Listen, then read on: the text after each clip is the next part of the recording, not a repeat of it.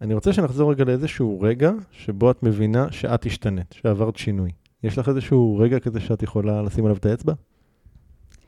אה, כן, יש לי רגע כזה. האמת, שאני זוכרת לומר שבנקודות שהרגשתי חוסר בהירות, שמשהו לא ברור לי, שאני נמצאת במקום תקוע, שאני לא מוגשמת, שאין איזושהי תשוקה, שאני לא בדיוק יודעת מה אני רוצה, מה אני מאחלת לעצמי. הייתי ככה מתארת את זה, אפילו לחברים קרובים, שאני אומרת שאם עכשיו הייתה מגיעה פייה, קטנה כזאת מתוקה, עם שרביט, עם כוכב כזה בקצה ונצוצים, והייתה אומרת לי, עדי, מה שאת רוצה. הייתי אומרת לה, עזבי, תמשיכי הלאה, אני לא יודעת מה. לא היה לי מה להגיד לה. כלומר, היום... אין לך שום בקשה באפיית המשאלות ואין לך שום בקשה לתת לה. שום בקשה. שום בקשה לבקש ממנה. כי מה? כי מה? כי לא היה ברור לי מה. מהו אותו דבר שאני מרגישה שחסר? מהו אותו דבר שאליו אני רוצה לפנות כרגע? מתוך הדברים שאני כבר נמצאת בהם, הטובים שקיימים, אבל מהו המשהו הזה? וכאילו הרגשתי שאני לא רוצה לבזבז משאלה, ולא ידעתי מה לבקש. וכל הזמן אמרתי לעצמי, עדי זה פיקשוש, מה, תתני לה ללכת? היום אני יודעת, אם היא מגיעה, אני תופסת אותה, אני אומרת לה, רגע, יש לי רשימה ארוכה. אה, אני יודעת בדיוק להגיד מה אני רוצה, אבל זה לא איזה דבר אחד. זאת אומרת, זה כבר משהו שמתגלגל ומתפתח. והדבר המקסים שהבנתי בשיח הזה עם עצמי, שהאפייה הזאת היא בעצם אני. שהיכולת שלי לבקש ולדייק לעצמי מה הדבר שאני רוצה. ומשם כבר אפייה, היא כבר תיקח את זה לאן שצריך. ליקום, היא יודעת את הדרך. אבל התחנה הראשונה לצורך העניין, עם אפייה, אני עושה עליה וי גדול. אז בעצם זה עניין של אה, כאילו לא לפחד לבקש משאלות, או... נכון, זה לא רק עניין של לא לפחד, אני חושבת שדווקא לא העניין של הפחד בבקשה, אלא הפחד שלא לדעת. Mm. והיום אני מבינה שאני כבר יודעת. זה בכל מיני תחומים יכול להיות. אבל אצלי הפחד היה מלא לדעת, לא מה לבקש.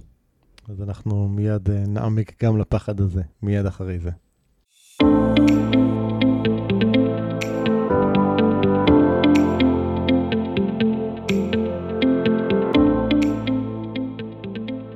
הדבר היחידי הקבוע הוא שינוי.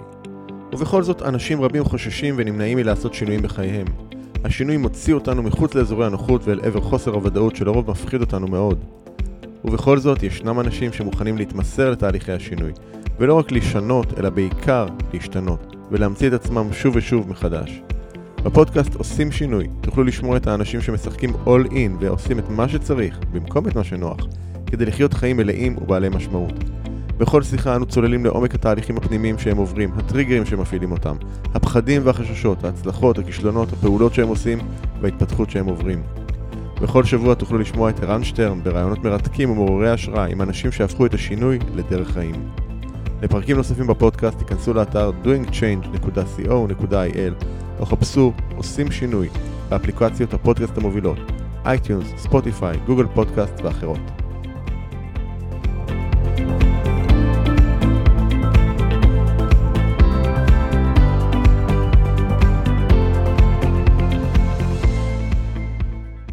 אז אה, אהלן, עדי עזוז-אורפז. היי ערן. בעלת מיזם בוטיק לחטיפי תמרים משובחים 100% טבעיים, שדי ממריא לכוכבים ביחד איתך. אז uh, ברוכה הבאה לפודקאסט. תודה, ברוך הנמצא. Uh, אז בואי ככה נלך אחורה, נתחיל מההתחלה. אני אוהב ככה, שוב, מהנדס כרונולוגי תמיד. מה, תספרי קצת עלייך, מאיפה, מאיפה התחלת? אמ, השאלה אם אני מתייחסת מאיפה התחלתי ממש ממש ממש בהתחלה, או מאיפה התחלתי את העכשיו שלי. דברי טיפה על ההתחלה, ואז נגיע לעכשיו. רק שאנשים, כאילו, הרי, הרי הפודקאסט הזה עושים שינוי, הוא תמיד, הוא בסופו של דבר עוסק בטרנספורמציה של בין אנשים שהיו בנקודה א' והיום נמצאים בנקודה ב'. אז כדי שנוכל להבין את הטרנספורמציה, צריך קצת להבין את הנקודה א' לפני שנגיע לנקודה ב'. אוקיי. Okay. אמ, um, קצת עליי. גדלתי כילדת אה, בסיסים בחיל האוויר. מחלקת את הזמן בין אה, בסיסים למושב נהלל ולילדות ונערות גם בלונדון. אה, שירתתי בצבא בחיל האוויר, ועם, לקראת סיום השירות הצבאי הכרתי את יזהר, שבעלי ואיתי ב-31 שנה האחרונות, ובעצם התחילו שם החיים הבוגרים שלי. זו נקודה מעניינת שבטח עוד נתעכב במהלך השיחה בינינו. עם סיום הצבא אמ, הלכתי ללמוד עיצוב פנים בשלוחה של הטכניון בשנקר, ותוך כדי זה במקביל גם הלכתי להיות דלת אוויר.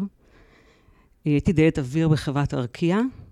אל על אז לדעתי, זוכרת שהייתה איזושהי סוגיה, או שלא גייסו, או שזמן ההמתנה היה ארוך מדי, וסוג של הגשמתי חלום להיות דלת אוויר, אהבתי מאוד את העבודה הזו.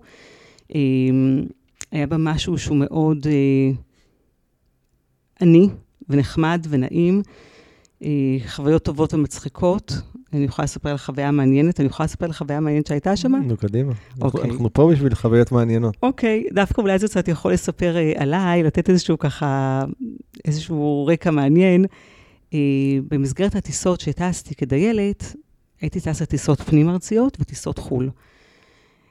ובמפגש עם נוסעים תמיד יש חוויות מאוד מעניינות, אם זה נוסע שפתאום יש לו התקף חרדה באמצע טיסה וצריך להחזיק את היד, אה, אם זה שאלות מוזרות של כל מיני נושאים. כמו, ואחת- כמו מה? תני לי שאלה עכשיו ממש אני נותנת לך, מוזרה. עכשיו, נהד- זה- לזה בדיוק אני מגיעה. אה, באחת הטיסות הפנים-ארציות בארץ, זה אומר שאני דיילת בעצם לבד בקבינה, אני אחראית על כ-54 נוסעים, אני עם הנוסעים, מתארגנת לי, יוצאת עם העגלה של הקפה והמשקאות הקרים והחטיפים, מאוד נהנית מהעבודה, רואה שכולם חגורים, וכשהכול בסדר והשמיים מתייצבים, אני יוצאת לי אחר כבוד עם העגלה. באיזשהו שלב, אני עם העגלה, ואני ככה עוברת בין הנוסעים, ואני נעצרת לפני זוג חבר'ה, הם בדיוק היו בדרך לאילת. שני גברים, לדעתי, אז היו בשנות ה-30 לחיים שלהם. ואני אומרת לו, כן, אדוני, מה תרצה? הוא אומר אני רוצה קפה, בבקשה. אני מוזגת לו את הקפה, והייתי גם מיומנת להחזיק שתי כוסות ביחד. זה בכלל, זה שואו, זה ממש לז'נגלר, זה ממש מופע, לראות האם הדיילת תצליח, ויש כיס אוויר, האם זה יישפך. בכלל זה שואו, כולם מסתכלים על הדיילת לראות איך היא עושה את התפקיד. ואז אני אומרת לו, ותרצה חלב? אז הוא אומר לי, אני רוצה חלב, אבל רק מהציצי.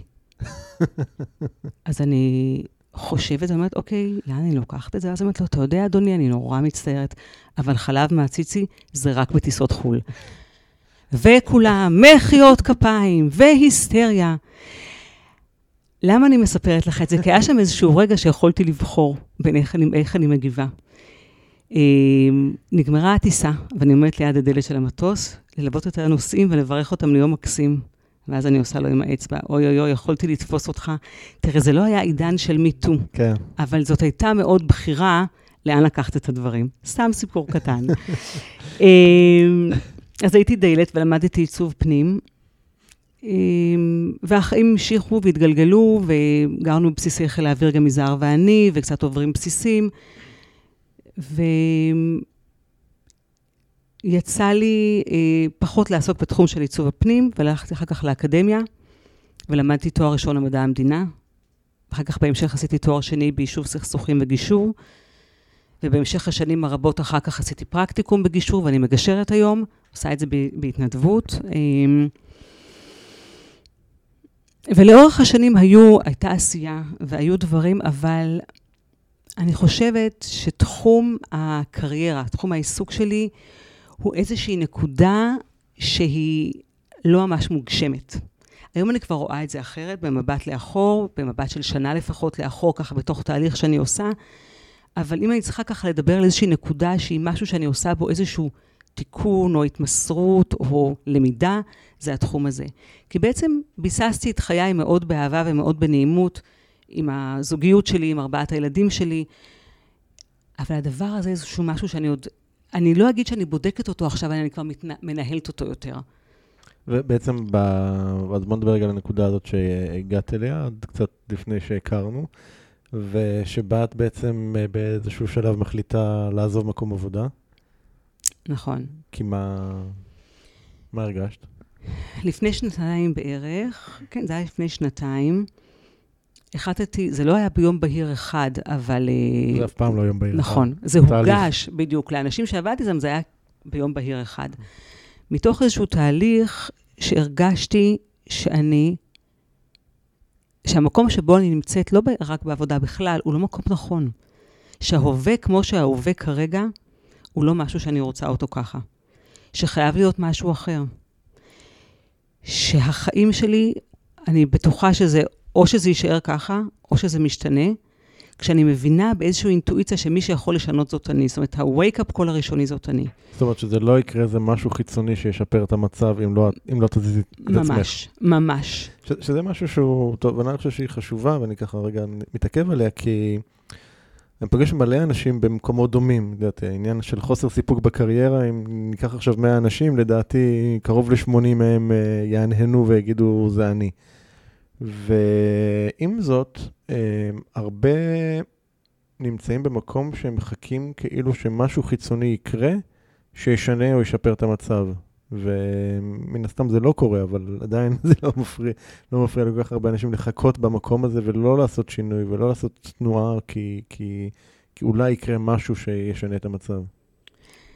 האמת שזה נכון, אני חושבת שה... שהיה בזה, היה בזה צעד אמיץ, אבל לפני האמיץ היה בזה צעד קשוב שלי, לעצמי. כשאני בחרתי לסיים את, מקום, את העבודה שלי במקום העבודה, זה לא כי ידעתי מה. אמרתי, אני עובר, עוברת לאיזשהו ריק מאוד גדול, ואמרתי, אולי עכשיו בדיעבד אני יודעת שרציתי להתמסר למקום הזה, לריק הזה, שאמרתי שזאת תהיה איזושהי נקודה שממנה זה יהיה משהו אחר. וזה היה, לקח לי זמן. זה לוותר גם על משכורת מאוד נוחה, גם על הגדרה מאוד ברורה. תמיד יש תשובה, מה את עושה, מה את עובדת, אז יש תשובה. לא צריך... אוקיי, אוקיי, בואי נעצור רגע על זה, מה זאת אומרת? כי זה משהו שאני גם חושב שהוא גם היה, לפחות בהיכרות שלי, גם משהו שחשוב לך. זאת אומרת, ההגדרה החיצונית של התפקיד, כאילו של מה אתה עושה, מה את עושה, זה, איפה, איפה זה פוגש אותך בחיים? אני חושבת שמהמקום שבכלל כל נושא של עבודה הוא... והמשמעות וההגשמה בעבודה, אני חושבת שהיה לי תמיד חשוב שתהיה לי תשובה כשאני עושה משהו, לא משנה תשוב, מה. תשובה טובה מן הסתם. נכון, למרות שהתשובות אף פעם לא היו טובות כי הן לא באו ממני. בעצם כל העבודות שעשיתי שהן היו מבורכות וראויות, אבל לא הרגשתי שמשהו שם הוא באמת אני. זה לא אני שמובילה איזושהי דרך, זה להיות בתוך משהו שמישהו אחר עשה שזה בסדר, כנראה זה לא היה נכון בשבילי. והחלטתי להגיד, רגע, עם כל הדבר הזה שהוא כביכול טוב, אני מזהה שמשהו לא נכון לי, ואני רוצה רגע ללכת עם הלא נכון לי הזה. ויום אחד החלטתי, באמת הודעתי על כך שאני מבקשת לסיים את עבודתי, ו... ופשוט סיימתי לעבוד, ופשוט יצאתי ל... לחופשה. לריק.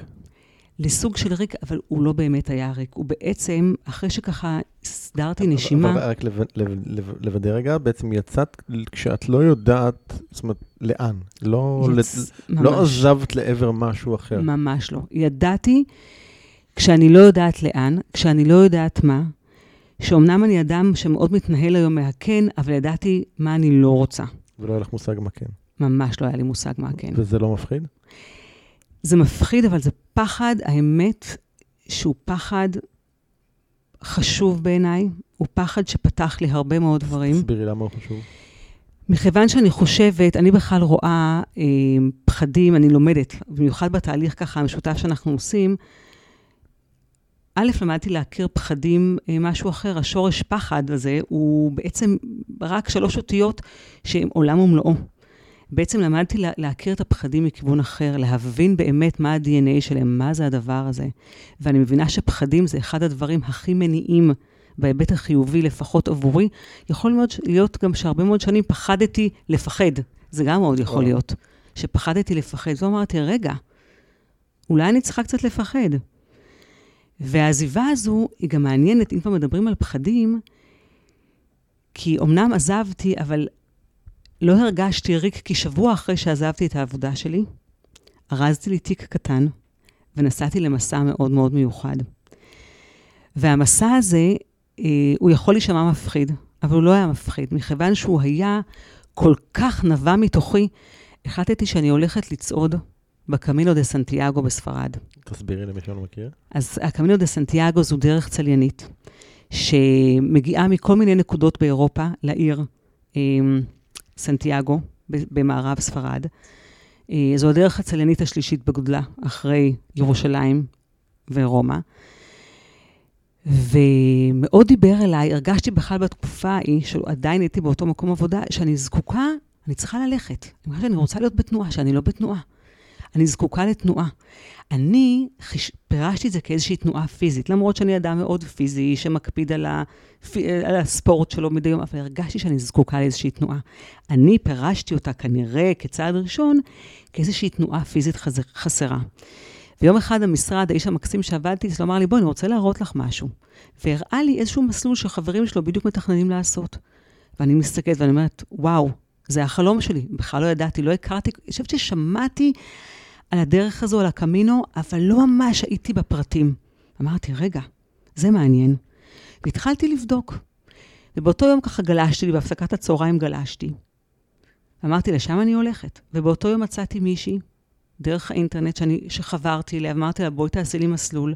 ובעצם התחלתי לייצר משהו. אה, זה מאוד מעניין, כי בעצם הקמינו זה בעצם דבר ראשון שעשיתי לעצמי לבד, רק אני. הגיתי, תכננתי וביצעתי לבד. זאת אומרת... לעומת, תסביר את ההבדל, לעומת כאילו דברים אחרים שמאמין מתכנן. ש... לא שתכננו, אבל תמיד אני, תמיד מאוד מוגנת, תמיד אה, מאוד מוגנת. מה, על... חלק ממסגרת של איך צריך ומה נהוג? דווקא, אני לא חושבת של מה צריך ומה נהוג, אני פחות אדם של לרצות מה צריך ומה נהוג, אבל מאוד, אה, מאוד, תמיד מאוד מוגנת. פתאום, ותמיד כשעושים משהו, אז זה ביחד. אם זה נוסעים לטייל, זה ביחד. זה אני ויזם מתכננים, זה עם המשפחה, או... פתאום היה כאן משהו שהוא נבע משהו מאוד מאוד עמוק ממני, וממש ממש חיבקתי אותו. אמרתי, וואו. ואז באמת, תוך כדי כבר התחלתי לתכנן את המסע שלי, ובאמת עזבתי את מקום העבודה, ויצאתי למסע. ואחד הדברים המאוד היפים, היפים במסע הזה היה לצאת מתוך מקום מאוד מאוד בטוח. לצאת מהמשפחה שלי, מהבית שלי, שברור לי שזה המקום שאליו אני חוזרת. עם פרגון מאוד גדול, גם של יזהר וגם של הילדים שנורא התרגשו, וואו, אמא, איזה קולית. ובעצם נסעתי למסע של כמה שבועות, שבו אני צועדת לבד, עם תיק קטן על הגב, ועוברת מקום-מקום, במקום שאני לא מכירה. כמה זמן? צעדתי אה, סך הכל כ-13 ימים. עשיתי שליש מהדרך, לא היה לי... כמה זה במרחק? במרחק צעדתי 300 קילומטר, שזה מתוך 800 וקצת וואו. של הדרך. זה לא כל הדרך. אה, הדרך עצמה, אני עשיתי את הדרך הצרפתית, שמתחילה מתוך צרפת, אבל אני התחלתי אותה בשליש האחרון מתוך ספרד. דרך מרתקת, צעידה משגעת, כ-25-30 קילומטר ביום.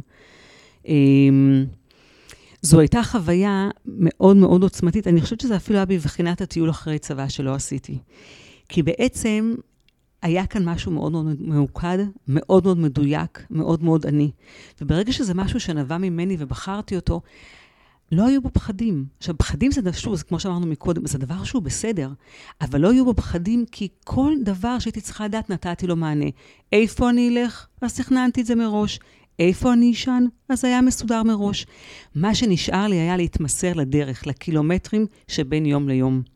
ובעצם צעדתי לבד, מעיר, מעיירה לעיירה, מכפר לכפר, הולכת בשדות, הולכת ביערות. הקטע עם היערות הוא קטע שאם אני מסתכלת על זה, אני אומרת, כאילו, מה חשבתי לעצמי? מה מפחיד? היה לי יום אחד, שידעתי מראש, עוד בתכנון בארץ, שכשאני עוזבת את העיירה, יש לי ש- שתי דרכים להגיע לעיירה הבאה, או בדרך הקצרה או בדרך הארוכה. וככה בהמלצה וגם במחשבה עם עצמי, אמרתי, אני רוצה את הדרך הארוכה, כי אני בעצם באתי בשביל לצעוד. אני הולכת לי באותו יום בדרך, יוצאת לי מוקדם בבוקר, בדרך כלל שעת היציאה היא שבע וחצי, שמונה, והמון אנשים צועדים, המון המון אנשים צועדים.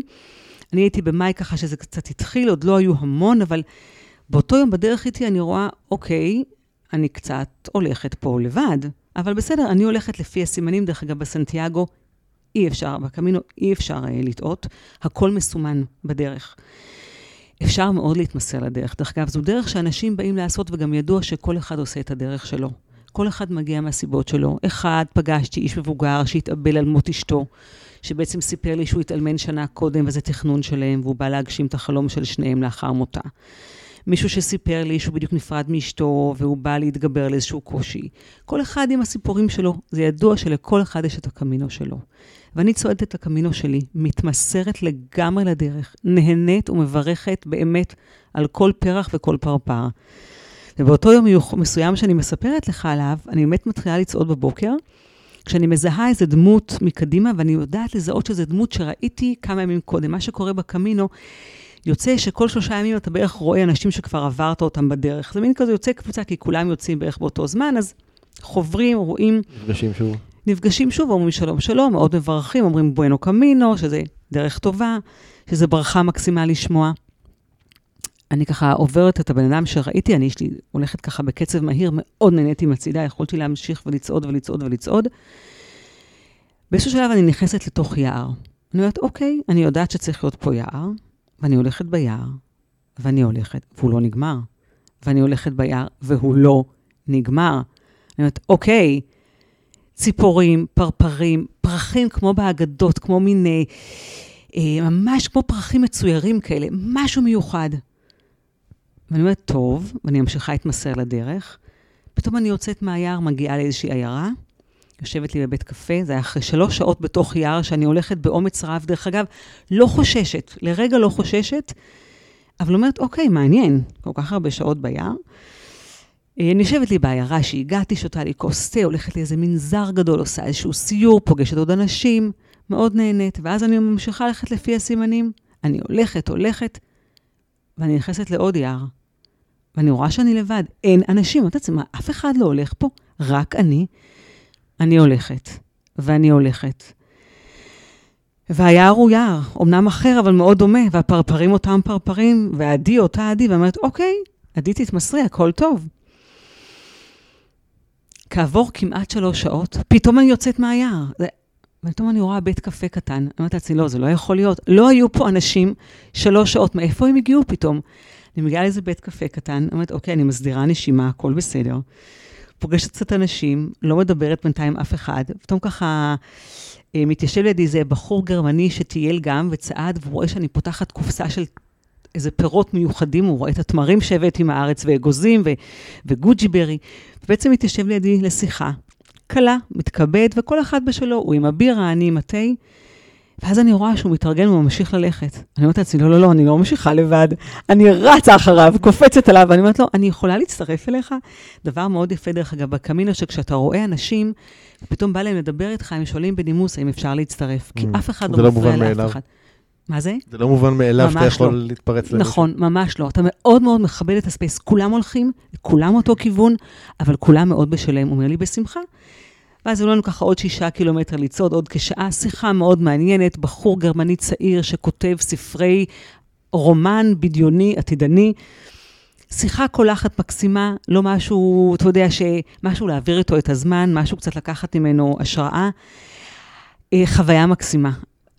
היום הזה ביערות, למחרת עוד ככה, אני אמ, איבדתי אותו בעין, והבנתי איזה חוויה גדולה הייתה לי. בעצם עשיתי משהו שהוא נורא מפחיד לכאורה, אבל כל כך הייתי בטוחה בדרך שאני עושה, בבהירות של הבחירה שאני עושה. מאיפה הביטחון הזה מגיע בעצם? אני אגיד לך מאיפה. מכיוון שזו הייתה בחירה שנבעה כל כולה מתוכי. הרצון הזה לעשות את הקמינו, הרי זה לא שאני אדם שלא עושה ספורט. לא אמרתי שאני רוצה ללכת לצעוד כי אני לא צועדת. זה לא כי אני אדם שאין לו זמן לעצמו, זה איזשהו משהו שעלה מתוכי. ובגלל שהוא עלה מתוכי, והגיתי אותו, ו- ועשיתי אותו, הוא היה לי מאוד ברור. וכשהדברים מאוד ברורים, אז אני יודעת לעשות אותם. אז בסדר, אז יש התמודדויות, אז בסדר. מאוד נהניתי מזה. דרך אגב, אחת הסיבות שגם בחרתי ללכת לקמינו הייתה כי אמרתי, סיימתי את עבודתי, עכשיו אני לא עושה שום דבר, אני אחשוב. ייפלו לי אסימונים, אני אנתח דברים, אני אבחר בחירות, אני אחליט החלטות. ונפלו? אף לא אחד. לא היו אסימונים, לא חשבתי שבועיים וחצי, שלושה על שום דבר. רק דברים כלילים של להתפאר מהיופי, ליהנות ולהודות על הזכות ולחשוב על היין הבא, על הריוחה הבא, בכפר הבא. זה היה ממש מסע מדיטטיבי, הוא היה כל כך שקט המסע הזה, אבל כל כך משמעותי. הייתי בו כל כך אני, כל כך מחוברת לעוצמה שיש בי לעשות את זה בנחת. בלבד, בלבד שהוא מאוד בטוח, הוא לא לבד בודד, הוא לבד מאוד, אה, מאוד אה, איתן, מאוד אה, שמח, מאוד מוקיר תודה על הזכות הזאת להיות לבד. היה מאוד משמעותי, מסע מאוד מיוחד. אז אני, אני רוצה רגע שנחזור למסע הקודם שהתחלנו. ואוקיי, אז את עוזבת העבודה, יוצאת למסע, ובעצם אין לך מושג לאן מכאן. כאילו, את לא יודעת מה, מה, מה, מה את רוצה לעשות, ואני רוצה רגע לחבר את זה למשהו שאמרת בפתיחה של, ה, של הפרק, זה שעל לא לפחד לא לדעת. בואי רגע נדבר על, הד... על המשמעות של הדבר הזה היום בפרספקטיבה שלך, ש... כי הרבה אנשים, כל שינוי שהם רוצים לעשות, הם מחפשים, אוקיי, אז אני עוזב נקודה א', אני הולך לנקודה ב', אני חייב לדעת מה הנקודה ב' הזאת, אני רוצה לדעת מה זה, ואם אני לא יודע, אני לא עושה, אני לא עושה את הצעד, אני לא עושה את השינוי, ופה בעצם את יצאת אה, מנקודה א', בלי שיש לך נקודה ב', אה, שזה משהו שמפחיד המון המון המון אנשים.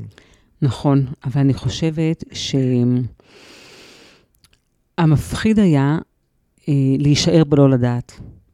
זה יותר הפחיד אותי מכל דבר אחר. אבל יצאת ללא לדעת, אז אני לא... נכון, אני... אבל יצאתי ללא לדעת, כי הבנ... אני חשבתי, אולי הבנתי, ולא ידעתי שאני יודעת, שמתוך זה משהו בטוח יהיה. כי היה לי ברור שמשהו יהיה, אבל לא ידעתי מה. מה ש... ש... שזה כשלעצמו, כאילו, מאוד מפחיד, לא? נכון. זה מאוד מפחיד, ואני חושבת שזאת הייתה אולי אה, פעם ראשונה שהחלטתי להתמסר לפחד. אפילו עוד לא הבנתי שזה להתמסר. אולי אפילו תקופה ראשונה שהעזתי להגיד על דברים אני לא יודעת. אני חושבת שלדעת להגיד אני לא יודעת, זה משהו שלמדתי במהלך השנתיים האלה. Mm. גם אם שואלים אותי שאלה על משהו שמאוד הייתי רוצה לדעת ולעזוב, ואני לא יודעת, עדיף להגיד אני לא יודעת. וגם המקום הזה שלא ידעתי לאן אני הולכת, שוב, אצלי זה מאוד היה ממוקד לתחום של עשייה, של הגשמה בתחום העשייה. כי הרגשתי שזה מקום מאוד לא מוגשם אצלי.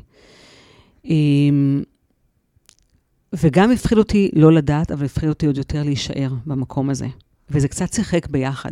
אוקיי, okay, אז רגע, זו נקודה מעניינת, כי אני, אני מדבר על זה הרבה, שאנשים, כשהם רוצים לעשות שינוי, הם הרבה פעמים מסתכלים על המחיר, נקרא לזה, של מה יידרש ממני כדי לעשות את השינוי, והם כמעט אף פעם לא מסתכלים על מה המחיר של להישאר במקום. ו, וזה בדיוק מה שדיברת עליו כאן, אז בואי רגע תסבירי, מה זה היה מבחינתך המחיר של להישאר במקום? ממש ככה. אני חושבת שבעצם הבנתי שאם אני צריכה לעשות איזון או השוואה בין המחיר של לפחד, של לא לדעת, לבין המחיר שאני משלמת כשאני נשארת במקום שהוא לא נכון עבורי, הוא מחיר מאוד כבד. תספרי קצת, מה, מה זה המחיר הזה בפועל? מה זה היה מבחינתך? מה המחיר לשלם כשאני... נשארת במקום, כן. זה מחיר של להרגיש אה, תקועה, של משהו שהוא מתעכב, לא להיות בהגשמה. תשוקה שנעלמת. אמ, לא להיות מחוברת. לא להיות משהו שאני מבינה. אני הבנתי, אמרתי, לא יכול להיות שזה ככה, החיים. משהו בטוח יש פה הרבה יותר, זה, מה, בזה זה נגמר? זה כזה? זהו? זה היה, זה היה פחד נורא גדול, על לחשוב שזה נשאר, שזה ככה יהיה. והרצון לעשות, הרצון, לש... אני לא הבנתי אז שזה אולי שינוי. אבל הרצון לזוז מהמקום הזה, להגיד לא. הוא מבחינתי היה, אוקיי, אז אם זה צריך פחד, אז אני, אז אני אפחד. פעם ראשונה שאני, אז אני אפחד, אז לא יהיה ברור, אז אני לא אדע, אז אני אתמודד. אז אני אשלם מחיר, כשאתה משלם מחיר, זה לא רק הנכונות, זה גם באמת מה שנקרא, צריך גם ממש להוציא את הכסף ולשלם. כן. את הכסף ההתנהלותי, הרגשי, החשיבתי. אמ, זה עמוק מסע לתוך הדבר הזה. כשאני לאט לאט מבינה שאני צריכה להתחיל לברר מה כן. אוקיי, הבנתי מה לא, מה אני לא רוצה. על להתחיל לברר מה כן, דרך אגב, שם מגיעים, מבחינתי הגיעו הפחדים האמיתיים. כי בעצם הפחדים, נורא קל להגיד, אוקיי, אני לא רוצה, מפחיד אותי, אבל... אז זה מקום נוח. הפחד, לדעתי, אצלי, כשזה יצא, לצאת מאזור הנוחות. שכשהתחלתי להגדיר מטרות, אמ, כשמגדירים מטרה מסוימת, לפחות איך שאני רואה את זה, אוקיי, יש מטרה, ואז אני אומרת, לשם אני רוצה להגיע, ואז, אוקיי, זאת המטרה שלך? נהדר. ואז באים הפחדים. אני חושבת שככה, כשחשבתי על, ה, על הנושא הזה של מטרות, אה, יצא לי ככה להגדיר מטרה אה, שהיא אה, דבר, איזשהו כיוון או איזושהי בחירה, שאחת שהגדרתי אותה, היא אומרת, אוקיי, מעולה, הגדרת, ועכשיו הגיעו החברים הכי טובים שלך, הפחדים. את רוצה מטרה? אין בעיה. צריך ללכת למטרה עם חברים, רק איתם עושים דרך. והחברים האלה זה הפחדים, והם לא יוותרו. ברגע שיש מטרה ברורה, הם יגיעו. וכל פעם שהגיע חבר כזה, שבתור פחד אמרתי, אוקיי, אני מבינה, גם בתהליך שעשיתי, שזה המקום להגיד לו מי אתה, לברר אותו, ואחת שהוא ברור, ולהבין שהוא חלק מהמסע, להגיד לו, יאללה, הולכים ביחד. אז אמרת פה משהו מאוד מאוד חשוב, אני גם, בספר להגשים, אני, אני מדבר על זה ש, של מה שאני קורא לו יעד ראוי.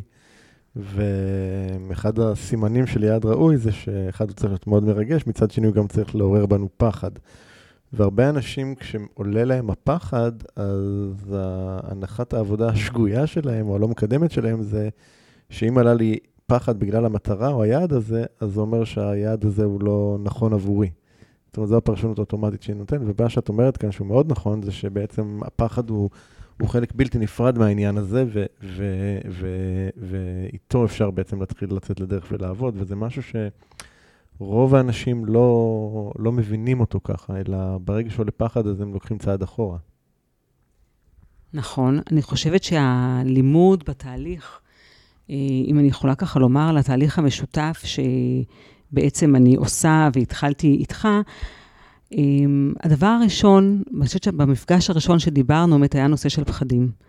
ואני חושבת שהאופן שבו אתה אה, חשפת בפניי את הנושא של פחדים, וגם המילה אגו שעלתה, שפתאום קיבלה מבחינתי בכלל משמעות אחרת ממה שאנחנו מכירים בשפת היומיום, פתאום עשתה לי מין וואלה מומנט, אמרתי, רגע, פתאום הבנתי אחרת את נושא הפחדים, הבנתי שפחד הוא דבר שהוא בעצם עולה למי שעושה.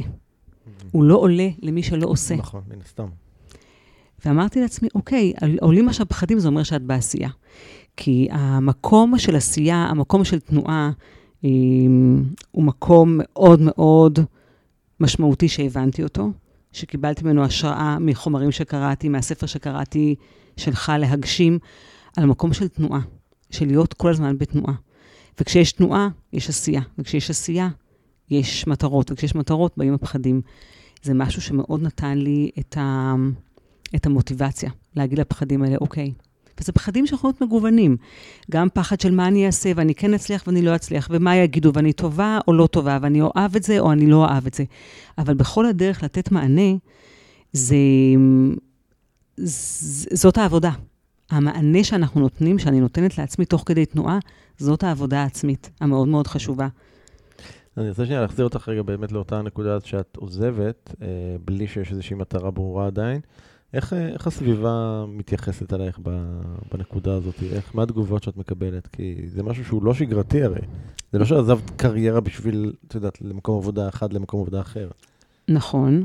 תראה, הסביבה הקרובה מאוד, שזה, שזה הבית הפרטי שלי, אה, בן הזוג שלי יזהר, מאוד מאוד תמך. הוא אמר, אבל הוא, הוא, הוא, הוא מכיר אותי ויודע, אומר, עדי, כשאת יודעת שזה לא נכון לך, זה לא נכון לך, ודרך אגב, זה לא קשור למקום העבודה, מקום העבודה כשעצמו הוא מעולה. כן. לי זה לא היה נכון. כן. Um, אני חושבת, דווקא אצל הילדים שלי, למשל, אחת הבנות שלי נורא נבהלה, אמרה לי, אמא, מה, לא יהיה לנו כסף עכשיו? זה נורא נורא הבהיל אותה. אני אפילו לא בטוחה שהבנתי עד כמה זה הביא אותה, רק חודשים אחר כך אמרה לי, אמא, זה כל כך הפחיד אותי, שפתאום את לא עובדת, ש, שמה תעשי? הדאגה שלה אליי, או איך שהיא רואה את זה. אבל אני חושבת שמעבר לזה, הסביבה הקרובה דווקא זה לא היה איזשהו משהו רלוונטי, לא בשיקול ולא בתגובות, אני גם לא בטוחה שהיו יותר מדי תגובות. אמ, כי, כי אני יכול לראות הרבה אנשים שמפחדים לעשות צעד כזה בגלל התגובות. בגלל מה יחשבו, מה יגידו, איך אני בלי התואר, בלי הטייטל נכון. של התפקיד שלי. נכון. מה זה אומר שלקחתי עכשיו זמן לעצמי ואני לא עובדת, כאילו... לא נעים. אני חייבת להגיד לך שאחד הפחדים הראשונים שהייתי צריכה באמת להתמודד, זה כששואלים אותי, עדי, מה את עושה, או מה את עובדת? פתאום להגיד שאני לא עובדת. היה לי מאוד מאוד קשה. זה מחזיר אותי לפגישה שבעצם לדעתי, זה עוד לפני שהתחלתי את, ה, את העושים שינוי. זו הפגישה הראשונה שלנו. בפגישה הראשונה שלנו, אה, היא לא בדיוק הראשונה, אולי אפילו השנייה באיזושהי הרצאה, שהרצאת אורח שהיא פשוט ממש, היא, היא, תכף אני, אני אספר אותה וזה גם מדייק את, ה, את המילים.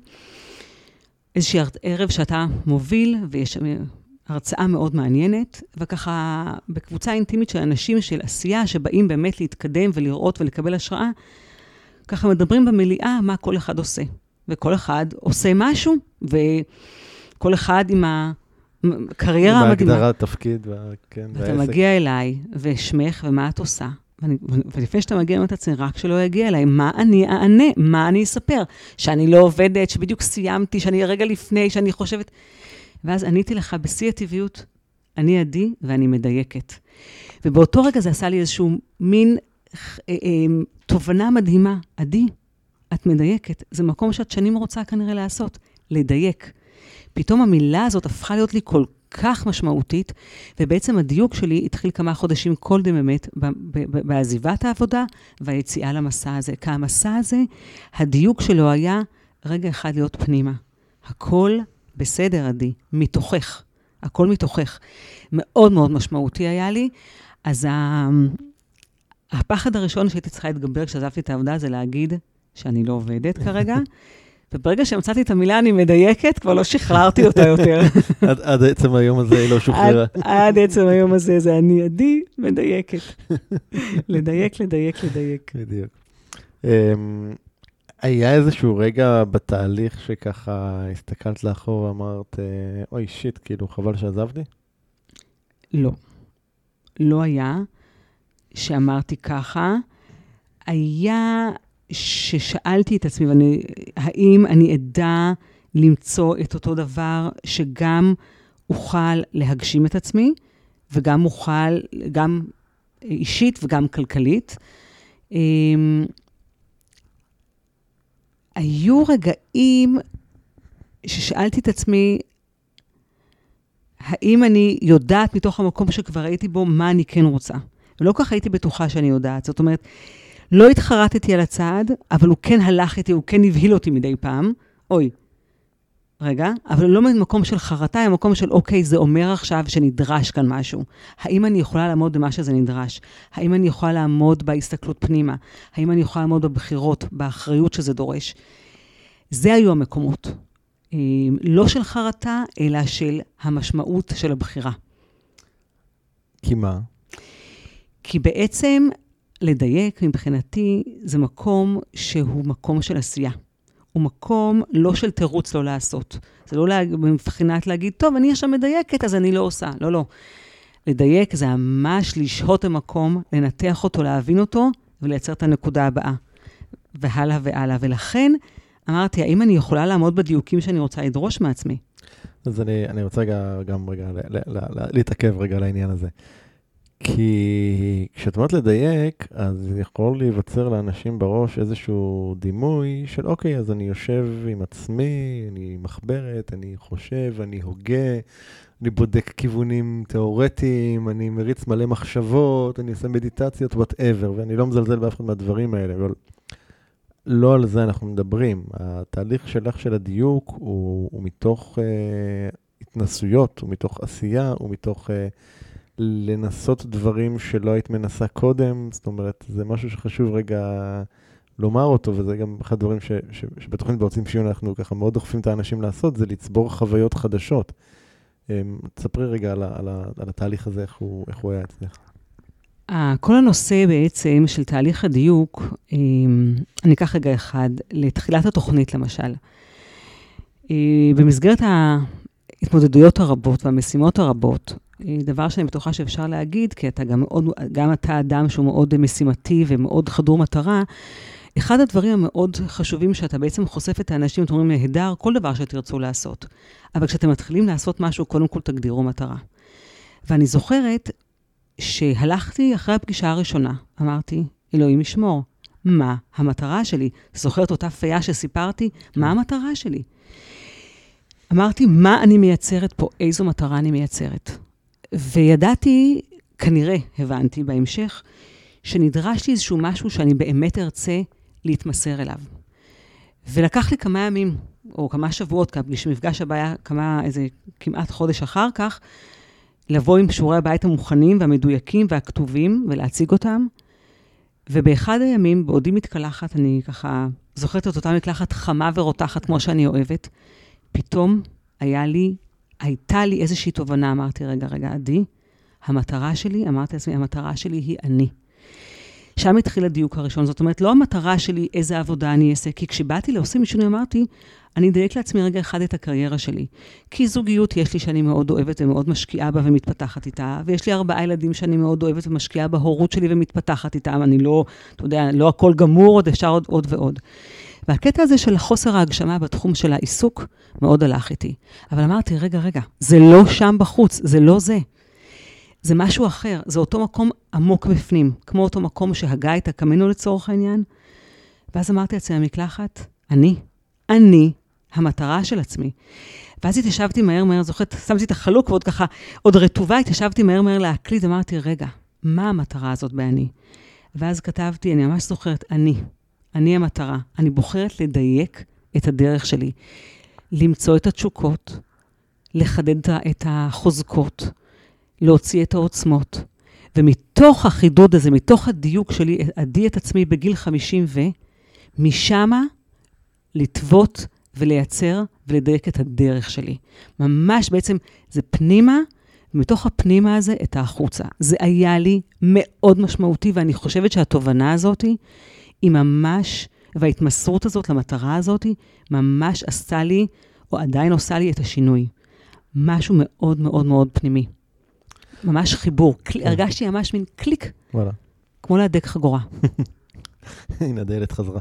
כן, נא להדק את החגורות, לגמרי. אתה עשית עם הידיים את כל ה... אחר כך תדגימי לי, אני לא אוותר לך על זה. אוי, נהדר. אמ, בעצם אה, את, אה, את מגיעה עם יזהר בעלך לתוכנית עושים שינוי, אה, אני לא אשכח, זה היה ב-12 במרץ, אנחנו נכנסים למפגש ב-4 בצהריים.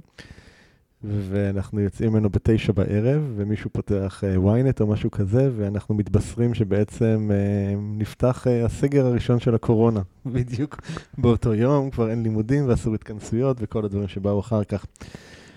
ובעצם התוכנית נפתחת מתוך, בתוך תקופה אולי הכי פסיכית שהאנושות ידעה, עם חוסר ודאות מטורף, עם הרבה מאוד קושי, כאב, אתגרים. עסקים נסגרים ונופלים כמו זבובים, אנשים, המצב הכלכלי שלהם שנופל, ובתוך כל התקופה הזאת, עדי הולכת ומקימה עסק מאפס. נכון. האמת ש... על מה לעזאזל חשבת? נכון. אני, אני אגיד לך, האמת היא שאני חושבת שהקורונה, לכל אחד יש את הקורונה שלו. אה, יש את הנתונים האובייקטיביים, אבל אני הייתי בתהליך סובייקטיבי. ובגלל שעשיתי, שאני הייתי במקום מאוד, אה, א', זה גם חלק מהאופי שלי לא להיבהל, אבל הייתי בכזה תהליך עם עצמי, שבחרתי בקורונה, וזה מאוד מתחבר גם למילה קורונה, לשים כתר על ראשי. Mm. זה מאוד מאוד התחבר לי. בעצם, החלטתי בקורונה שאני מכתירה את עצמי. וההכתרה הזאת, על לשים את הכתר, זה בעצם כתר המחשבות, נושא של החשיבה. נושא החשיבה מאוד מאוד התחדד לי בתחילת התהליך, ובכלל בתקופה הזו. והבנתי גם שכשההכתרה, למעט משפחת המלוכה, שאני מדי פעם ככה בורחת לנטפליקס ורואה את, ה, את הסדרה הכתר, אה, אין, אין המלאכה שהיא על אה, בסיס דם כחול, או על בסיס איזושהי שושלת. או שמישהו יבוא וימליך אותך. או שמישהו יבוא וימליך. ובעצם, בקורונה שמתי כתר על ראשי. המלכת את עצמך. המלכתי את עצמי. לממלכת של חשיבה, ממש את עצמי למלכת החשיבה של עצמי. ואני חושבת שהתקופה הזו בעצם היא מאוד מאופיינת בכל הנושא של האופן שבו התחלתי לבחור ולדייק את החשיבה שלי.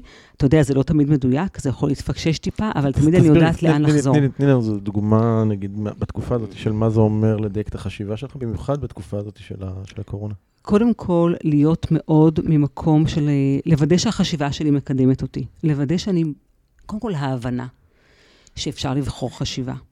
ההבנה שחשיבה זה בעצם הצעד הראשון, כי הוא זה שמעלה את הרגשות, והרגשות הם אלה שמעלים או מביאים את התגובות. וכשזיהיתי שיש רגשות שלא נכונים לי ולא מקדמים אותי, ופעולות שבוודאי לא מקדמות אותי, אז אמרתי, אז אני אחזור רגע אחד אחורה, וזה בעצם החשיבה. ובעצם הבנתי שזה המקום שאני רוצה לדייק אותו, החשיבה, בהתייחס אליי, בהתייחס ליכולות, או לא, לא יכולות, כי זה משהו שאני אשמח אולי שנדבר עליו דווקא הרצונות. בהתייחס לאנשים אחרים. מאוד המקום הזה של כתר החשיבה. הכתר הזה הוא לא סתם. אחת ששמתי אותו, אני בתפקיד, אני מחויבת. וזה מאוד, אני מרגישה את הכובד החיובי שלו.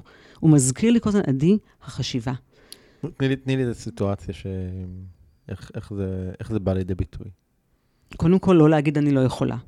למשל, זה דבר ראשון.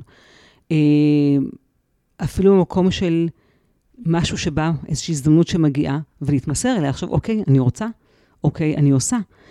זאת אומרת, לדייק את החשיבה ככזאת שכן תקדם אותי לדברים, שכן תקדם אותי לפעולות, שתיקח אותי הלאה ולא תגרום לי או להישאר המקום או ללכת אחורה. אני, אני, אני, אני זוכר שבעצם באותו מפגש שהיה אז ב-12 במרץ, התאריך שחקוק, אני לא שאני זוכר את התאריכים כל כך, אבל זה פשוט תאריך שחקוק.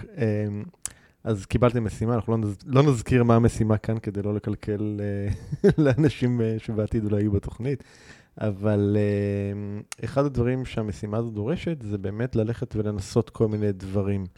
ואני זוכר שאחד הדברים שמאוד הרשימו אותי לראות בך באותו, באותו חודש, זה שאת לא בחלת בשום דרך ובשום התנסות. ועשית אה, דברים מאוד מאוד, אה, שמישהו מהצד יגיד, מה כאילו הקשר, והיא עשתה, וזה אולי אפילו, אני אעז לומר, למטה מכבודה לעשות דברים כאלה, ו... אבל איכשהו דבר עובר לדבר והוביל לדבר, ופתאום את מוצאת ש... שיש לך uh, רעיון לעסק ביד. נכון. האמת היא שהמשימה הזו, שלא נסגיר אותה, כי היא משימה מרתקת, ותכף אני אגיע לסוף שלה, זה באמת העסק, המיזם הזה שהקמתי, היא משימה מדהימה, שהיא בעצם משימה שחיכתה לי. היא משימה שאפשרה לי להתמסר. כי המשימה הזאת אמרה, נתנה לנו איזושהי הגדרה לאיזשהו, לצאת מקיבעון שקשור לקטע של כלכלה, לקטע של היכולת להשיג עוד כסף. ונתנה לנו הגדרה מאוד מאוד ברורה, גם בכללים וגם בזמן, ואמרה, זאת המטרה, יש לכם משימה להשיג כך וכך סכום כזה וכזה, בכך וכך זמן. תתחילו, עופו על זה, מה שנקרא. תתחילו להכין רשימות, מה שבא לכם, תתחילו. עכשיו, זה מקום שנראה היה לה נורא קל, אבל כשמגיעים לכתוב את הדבר הראשון, זה קשה, זה נתקע.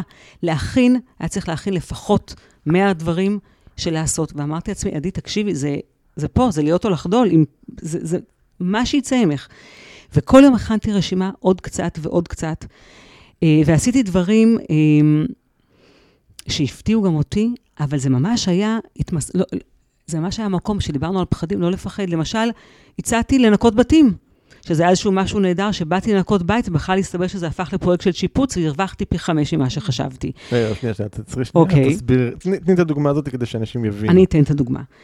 במסגרת, ותכף אני אחזור לדבר הראשון שרשמתי ברשימה, אבל כאחד הדברים שרשמתי, אמרתי, אני יכולה לתת שיעורים פרטיים, אני יכולה ללכת לטייל עם כלבים, אני יכולה לעשות בייביסיטר, סתם כדוגמה.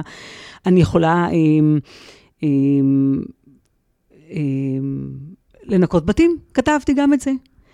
ואז יצא איזה יום אחד שבקבוצת וואטסאפ המשפחתית, אחותי שאלה אם את אימא שלי, אם היא מכירה איזה עוזרת בית לבית של חברה שבדיוק צריך, ואני כתבתי, אני רוצה. לא חשבתי פעם, אמרתי, אני רוצה, אני כבר מיד ראיתי, אני אמרתי, אני חייבת למלות את המשימה. אני מגיעה עוד מעט לערן, אני חייבת להציג, להראות פה את האישורים שעשיתי.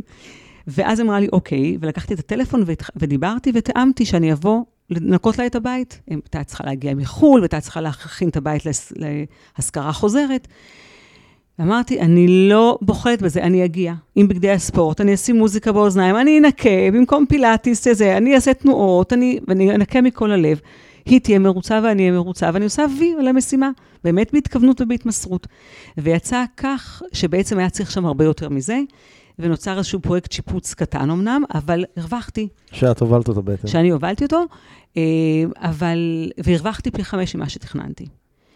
וזה היה מהמם בעיניי. עכשיו, הקטע שלה להשיג את הכסף, עזוב, זה הדבר הראשון שעשיתי להביא, והוא היה פחות משמעותי.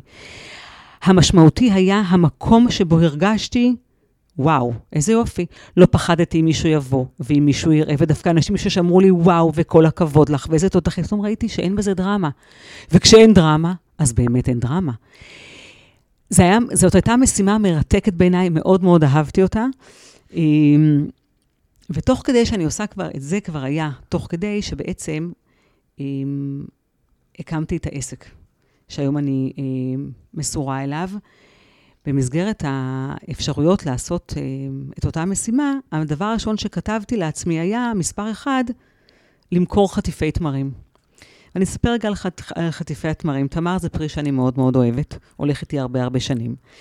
וכשהבן שלי הגדול, שני, שהוא אמנם עדיין בצבא, אבל כשהוא רק התחיל את הצבא לפני הרבה שנים, אה, ביחידה שלו אמרו, חבר'ה, תקשיבו, נורא נחמד כל הממתקים שאולי אתם רגילים, אבל בצבא שלנו אין ממתקים. אתם אה, עוברים גם הכשרות מאוד מאוד קשות פיזית, אתם צריכים לשמור על הגוף ועל הבריאות, ואין ממתקים, אין סוכר.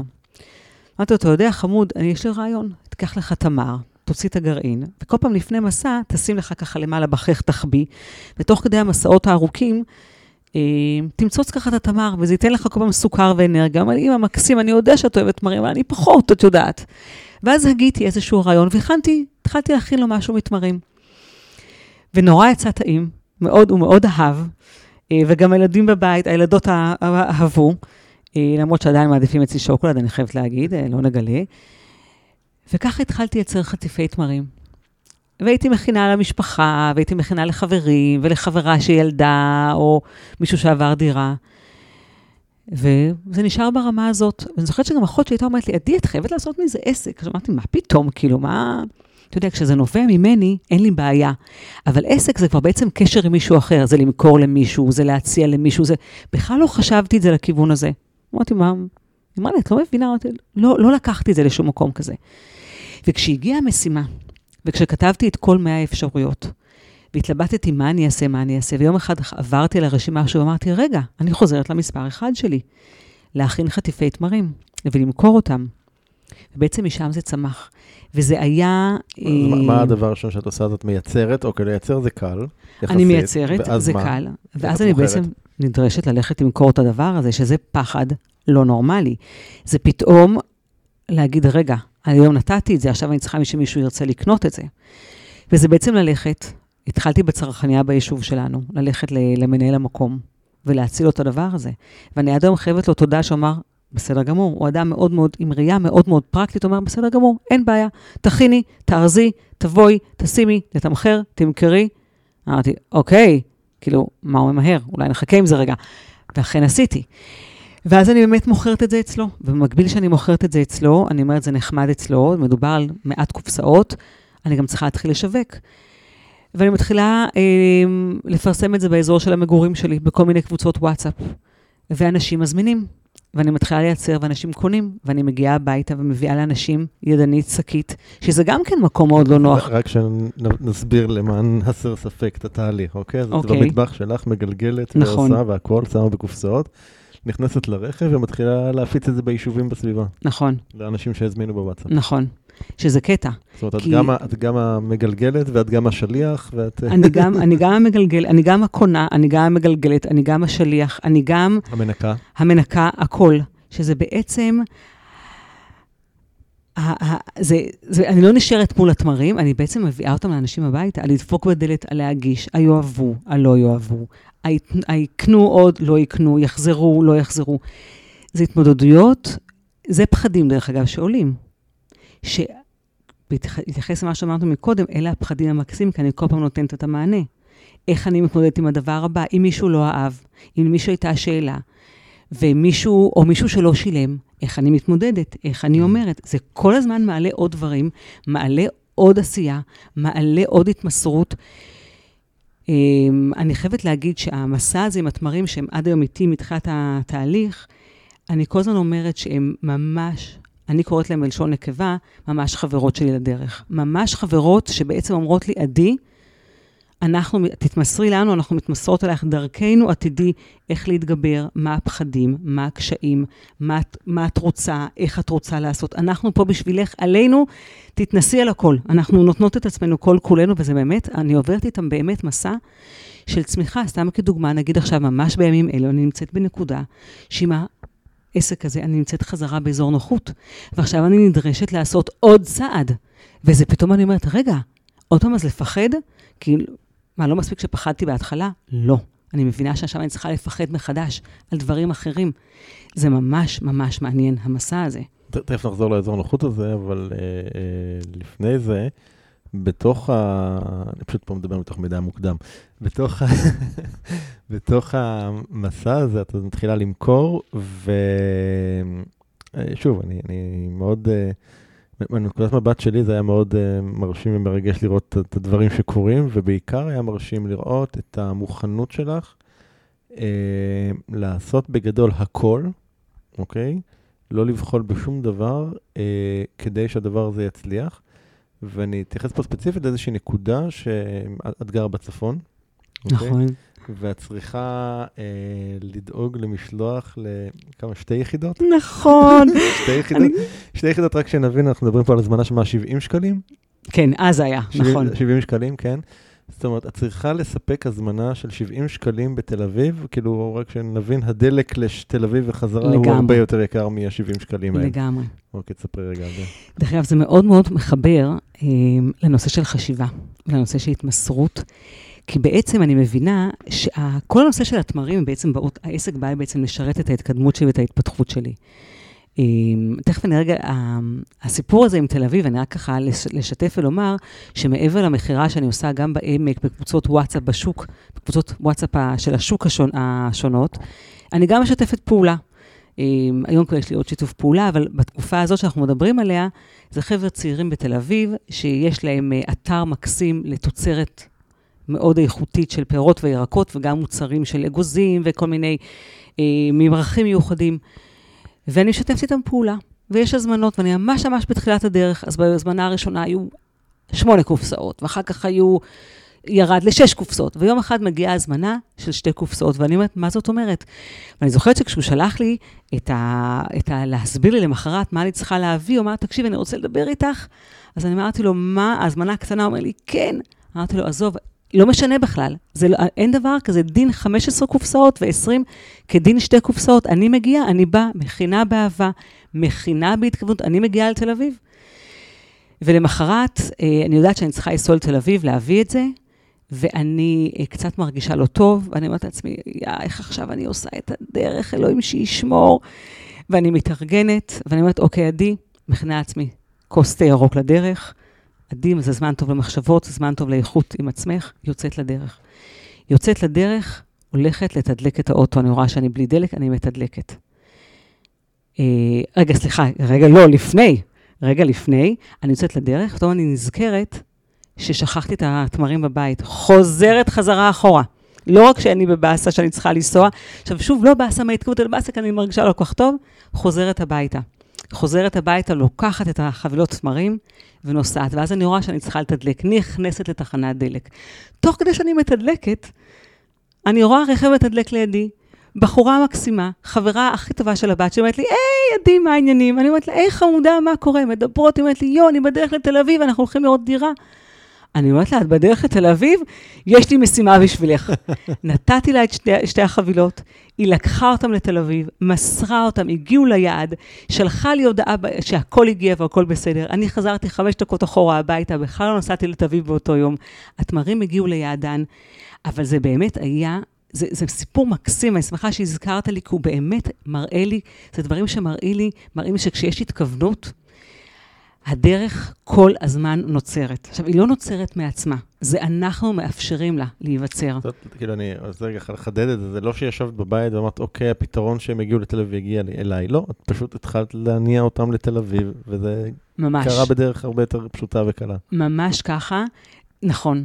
זה מאוד, זה, אני חושבת שדברים כאלה, הם נותנים המון אה, מוטיבציה.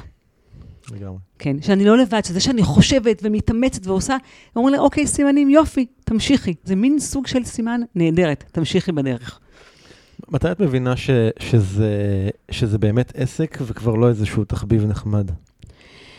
אה, קודם כל, אני, חודשיים אחרי שאני מתחילה לגלגל, מה שנקרא, אני פותחת... אה, לגלגל תמרים למי שלא הבין. רק לגלגל תמרים. אנשים לא היו להם כל מיני רעיונות אחרים. חלילה. לא בעולם התוכן שלי. אה, אני, חודשיים אחרי שאני מתחילה, אני פותחת עסק. אה, ממש, אני רשומה היום, אני היום עדיין עוסק אה, פטור, מאוד מסודר בהיבט הזה. יש, עובדת עם רואי חשבון, מתחילה לייצר איזושהי מחשבה מה, מתחילה לשים לעצמי יעדים, מתחילה להרחיב את השותפות. העסק שלי הוא עדיין בוטיקי, אני, יש לו היום אופק, שאני ממש עכשיו עובדת על האופק הבא שלו, על השלב הבא שלו, ואני מבינה, כן, הוא לוקח הרבה מאוד מהזמן שלי, אני עסוקה בו, הוא לא מונע ממני לעשות דברים נוספים ואחרים, אבל אה, אני נמצאת בו, אני מביאה בו, אני גם מביאה בו איזשהו ערך, אני מאמינה בו, אני מאוד מאמינה ב... בתזונה המיטיבה שאני מקדמת דרכו, כי אני בעצם מדובר על חטיפי תמרים שהם 100% טבעיים, ללא סוכר, ללא תוספות, ללא חומרים משמרים. הוא גם נראה נהדר, הוא מעוצב נהדר, הוא באמת מאוד מאוד טעים. הוא טעים חבל על הזמן. נכון, הוא, עס, הוא עסק מאוד טעים. הוא ממש עסק מתוק וטעים. אה, וכן, ואני מבינה, אני אגיד לך מה, מה שמעניין בו.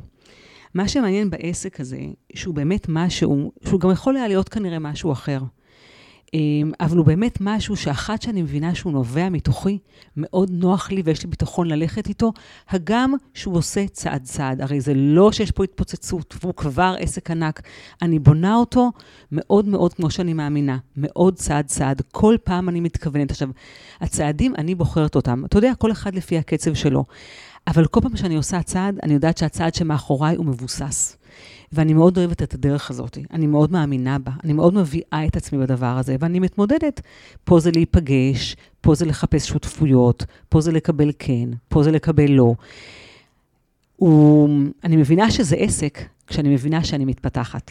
שאני עדי מתפתחת, אתה מבין? זה לא רק העסק מתפתח, כן. זאת אני. כשאני רואה שאני צומחת, אני מבינה שיש פה עסק. Mm. ואמרת קודם שאת מרגישה שגם עכשיו הגעת uh, שוב לאזור של הנוחות, ספרי עליו. נכון. אני בעצם um, מזהה שכרגע אני צריכה לעשות איזשהו צעד להגדיל. להגדיל גם את קהל הלקוחות, גם את האופן שבו אני uh, מוכרת. לא רק במכירה ישירה, בעצם אחד הדברים שהעסק התחיל הוא בעיקר באונליין, אנשים מזמינים בהתכוונות. בהתכוונות בקוף. בעצם מייצרת אה, עבור הזמנות. נכון. את לא מייצרת מראש, אלא נכון, עבור הזמנות. נכון. אז מה שנקרא, אנשים מתכוונים בקוף ומזמינים, ואני מתכוונת בכף ומביאה. ועכשיו כבר יש פתאום שיתופי פעולה, שאני כבר, אנשים, יש איזשהו מעדניות שעכשיו אני הולכת, אה, אה, עובדת, מתחילה לעבוד איתם, שבעצם כבר קונים סחורה, זה ממש תחילתה של דרך, אבל זה דורש שם משהו אחר, זה כבר לא אני מול לקוח, זה כבר אני, אחד, אלא זה כבר מדובר על כמויות גדולות יותר, אז הנה אני צומחת. ובעצם עשיתי צעד מאוד מרגש בשבוע שעבר, שאני חייבת להגיד שהוא דבר שהגיתי, לא הגיתי, שחשבתי אותו ממש בשבוע הראשון שהכנתי תמרים במסגרת התרגיל. אמרתי, אוקיי, זה מקסים שאני מגלגלת תמרים גם אז, אבל כאילו, כמה אני אוכל לעשות את התנועה הזאת? ודבר ראשון שחיפשתי לפני שנה, חיפשתי מישהו או משהו, או מכונה, שתוכל לחסוך ממני את הדבר הזה. ולפני שבוע, ייצרו עבורי את המכונה, ורכשתי מכונה. מכונת גלגול. ממש ככה. מכונת גלגול. יש לי, זאת אומרת, רכשתי את המכונה הראשונה בעסק שלי. גדול. אני כבר יודעת מה תהיה המכונה הבאה שתתחבר למכונה הזאת. אני כבר, זאת אומרת, בעצם אני מקדמת את העסק מתוך ההתקדמות שלי. זה ממש בהלימה. ואני חייבת להגיד שזה אחד הדברים המאוד מאוד חזקים בנושא של השינוי והחיבור. נושא ההלימה אצלי הוא מאוד מאוד משמעותי. מאוד חשוב לי לחיות את חיי בהלימה. אם כמו שאני חושבת את הדברים, כמו שאני אומרת את הדברים ב- ב- לעצמי, והייתי רוצה לומר אותם גם החוצה, וגם הפעולות שאני עושה. אה, זה מאוד מאוד מחזק אותי במקום הזה. זה בעצם מאפשר לי כל פעם להתפתח עוד ולצעוד עוד. יש דברים שאני יודעת שאני יכולה לטפל בהם כרגע, ויש דברים שאחר כך. אבל אני ממש צועדת עם סוג, זה נותן לי המון ביטחון, המון ביטחון בדרך שלי, בדרך שאני יוצרת. מה, מה את מגלה על עצמך בתהליך הזה שאת עוברת? יש איזה שהם דברים שמפתיעים אותך? מה... את אמרת קודם ש, שבסוף העסק מתפתח כפי, כפי שאת מתפתחת, אז בוא רגע נעמיק בזה. בעצם אחד הדברים שאני אה, יודעת לומר, זה שבתהליך הזה אני עושה הרבה פו. אני מסירה הרבה אבק, או לא אבק, אולי פחדים, פחדים, דברים שאני יודעת שקיימים. זאת אומרת, לא היה לי, היו לי תגליות של מאיפה זה הגיע, אלא בעצם גיליתי חזרה חוזקות ועוצמות שקיימים בי, שקיימות בי, והן שמאפשרות לי את, ה, את העשייה שלי.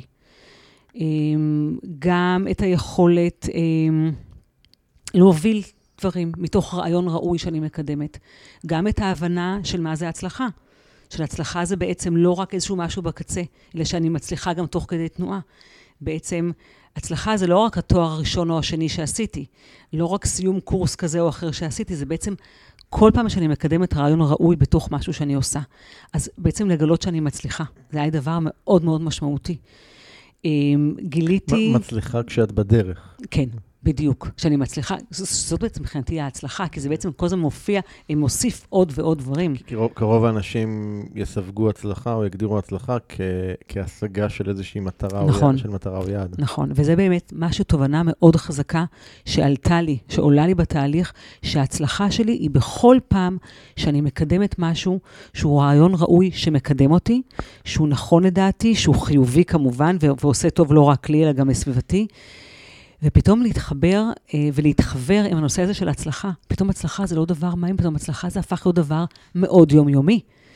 וזה דבר, ש... מסר שמאוד חשוב להרבה אנשים להבין, שבכל פעם שהם עושים איזשהו צעד, שכשמישהו הולך לעשות תואר, שיבין שזה לא רק על לעמוד עם הגלימה או עם הכובע ולקבל את התעודה מהדיקן, אלא העובדה שהוא בחר ונרשם והלך להרצאה ובא לקורס ונתן עבודה ועשה, זאת הצלחה. אותי זה מאוד מאוד מחזק, זה ממש מנגיש את ההצלחה. אני מאוד אוהבת את זה. Uh, עוד דברים שככה גיליתי על עצמי, um, א', עוד יכולות בהיבט אה, של אנשים שפתאום פנו אליי לכל מיני דברים, שפתאום יצאו ממני עוד חוזקות, הרי זה לא רק העסק, התמרים זה משהו אחד, אבל פתאום הדיוק שבי אה, אפשר לי לתת לאנשים אה, השראה. שפתאום אנשים אמרו לי יאו, או אנשים שפתאום באים להתייעץ על דברים. זה מאוד נעים, זה מאוד מעצים. וכשאני מזהה שאני מועצמת ומעצימה את עצמי, אני גם, יש לי יותר לתת. זה יכול להיות גם בהיבט הזוגי-משפחתי, זה יכול להיות גם בהיבט של יחסים עם אנשים, גם בהיבט העסקי-מקצועי. ועוד דבר שמאוד גיליתי בתהליך הזה, שאני מאוד אוהבת, זה לדבר מול, מול קהל. זה משהו שאני חייבת להגיד לך, זה מתוך התנסויות שאתה מפיל, הפלת עליי, עליי, על כולנו. זה משהו שמאוד גיליתי שאני מאוד אוהבת. לעמוד מול קהל, הוא לא חייב להיות קהל רב, הוא יכול להיות כן. מצומצם. אבל למה אני אוהבת את המקום הזה? לא מהמקום של השואו, מהמקום של ההתכוונות. כי בשתי משימות שקיבלתי ויצא לי לחוות, אה, להרצות גם לקהילה שלך, שאתה מוביל באופן מאוד אה, יפה כבר הרבה שנים, וגם לקהילה יותר מצומצמת של הקבוצה שלי, שנדרשתי ל, ל, להעביר הרצאות בשני נושאים שונים, כל התהליך של ההכנה, הוא מבחינתי היה, הוא היה השואו האמיתי. הייתי מאוד מקוונת שם, מכוונת, מאוד מאוד מאוד, וזה ממש תהליכים שאני אומרת לעצמי, אמרתי לעצמי, וואו, אני לא רואה רק את העמידה ומה אני אגיד, אלא הדרך שאני עושה. היא מאוד עוצמתית, וכשהגעתי לדבר אל האנשים, הרגשתי שאני מצליחה להעביר להם את מה שאני חווה. וזה נתן לי, אמ, זה, אני, אני אומרת לך, עד כדי כך שאני אפילו כותבת לעצמי הרצאה קטנה, יש לי עוד איזו הרצאה בסגנון TED. משהו שאני רק אומרת לך, אם אתה צריך איזשהו מופע חימום, ערן, אתה תיקח אותי. יש לי הרצאות קצרות, אני לא אתפוס לך הרבה זמן במה. משהו בהתכוונות הזאת הוא מדהים בעיניי. עכשיו נתת לי רעיון, בדף של הפודקאסט הזה אנחנו נשים קישור לאותה הרצאה שדיברת עליה, היא צולמה. אותה הרצאה בקהילה, נשים uh, קישור ליוטיוב שלה, שמי שרוצה, את מספרת שם את, ה, את, ה, את הסיפור של המסע של התמרים, המסע שלך, uh, בצורה באמת מעוררת השראה, ואני לא מופתע שאנשים באים אלייך להתייעץ או לקבל השראה. אני אשמח, איזה כיף. אז אני, מי שככה יסתקרן, אז uh, תיכנסו לדף של הפרק הזה בפודקאסט uh, Doing Change co.il, ויחכה לכם שם קישור לצפות בהרצאה הזאת שעדי הזכירה כרגע. Um, אם היית מתחילה הכל מההתחלה, היית עושה משהו שונה? Um, אתה מתכוון להתחלה, אני ברשותך רגע לא אשאל בשביל לא לעשות שאלת קידבק שתקביל אותי. אז אני אגיד לך רגע, אני אגיד לך תשובה אחת, ואם תרצה לקחת את זה למקום אחר, אז בשמחה. אני רגע אחד הייתי הולכת דווקא לנקודה של הכל מההתחלה, לנקודה מסוימת בחיי שאני רוצה לחזור אליה, ונקודה באמת של השחרור שלי מהצבא. אם הייתי חוזרת לנקודה הזאת היום, והיא נקודה משמעותית מאוד מבחינתי, כי בעצם תחילת חיי הבוגרים הפרטיים. הייתי אומרת לעצמי, ושוב, המקום הזה הוא מאוד בדגש של עשייה, של קריירה, של הגשמה בהיבט המקצועי, בהיבט העשייתי. הייתי אומרת לעצמי, עדי, מה את רוצה? ואם לא הייתי יודעת לענות, הייתי אומרת לעצמי, אני לא יודעת, אז הייתי אומרת לעצמי, אוקיי, ואם כן היית יודעת מה את רוצה? זאת אומרת, המקום הזה של לדעת מה אני רוצה, של לדעת איזושהי מטרה. זה מקום, בעיניי, היום אני מבינה, מבינה עד כמה הוא חשוב, ובהרבה דברים, בהיבט התעסוקתי, קריירה, הוא היה נהדר, בעין מבחינתי. נכון שקריירה זה בעצם הרצף העבודות שאדם עושה בחייו. אבל אם הייתי יכולה לדייק אותה, אני חושבת שאולי הייתי מגיע, מגיעה לנקודה הזאת היום, כשאני מרגישה יותר מוגשמת, למרות שעכשיו כבר בתהליך, אני לגמרי מרגישה שזה כבר, כבר non issue. אבל אני יודעת שהרבה שנים זה היה, והייתי אומרת לעצמי, עדי, מה את רוצה? כי אני חייבת להגיד לך שבתקופה שלי, כשהייתי יותר צעירה, הדיון היה, לא היה אז את המושג של רצון, היה נורא יכולות. מה, אה, יכולות לא צריך? לא, אני לא מגיעה ממקום של צריך, אני חייבת להגיד, לא מבית של צריך, לא. אה, גם אני גם לא אדם מרצה, אז המילה צריך היא לא הייתה. אבל הקטע של יכולות, מאוד דיברו על זה, יכולות, אתה כן יכול, אתה לא יכול, כן פוטנציאל, לא, זה היה דיבור מאוד מוגבל ליכולת. תלמד מה שאתה יכול. אנשים בחרו, אני, אני פחדתי לבחור, בהתחלה באקדמיה אמרתי, מה אני אוכל ללמוד? הדיבור של רצון, היום אני מבינה אותו, כמה הוא משמעותי. אז אם הייתי יכולה, אומרת לעצמי, עדי, מה בוער בך? מה הרצון? מה שאת רוצה, את יכולה. אז הייתי מכניסה את המילה יכולה. דרך אגב, בבית שלי, יש לנו במטבח לוח זכוכית מחיק כזה גדול, ושם אני כותבת הרבה משפטי השראה. אתה יודע, לצד אה, ללכת ל, לזכור לשלם לגנן ותור לאופטימטריסט, גם משפטי הרצאה, אה, השראה. אחד המשפטים שכתובים הרבה זמן הוא, המשפט הבא, העניין הוא לא מה אני יכולה, אלא מה אני רוצה. כי מבחינתי, מה אני רוצה זה המטרה. מה אני יכולה זה האיך.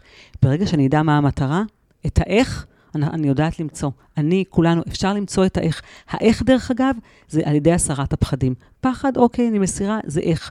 זה עוד משהו בדרך. אני אעצר אותך שנייה. אמ, כי אני לא רוצה שמישהו ששומע את זה יגיד, אוקיי, הסרת הפחדים, אוקיי, נשמע כאילו שככה דילגנו מעל זה, אוקיי? מה זה אומר מבחינתך להסיר את הפחדים?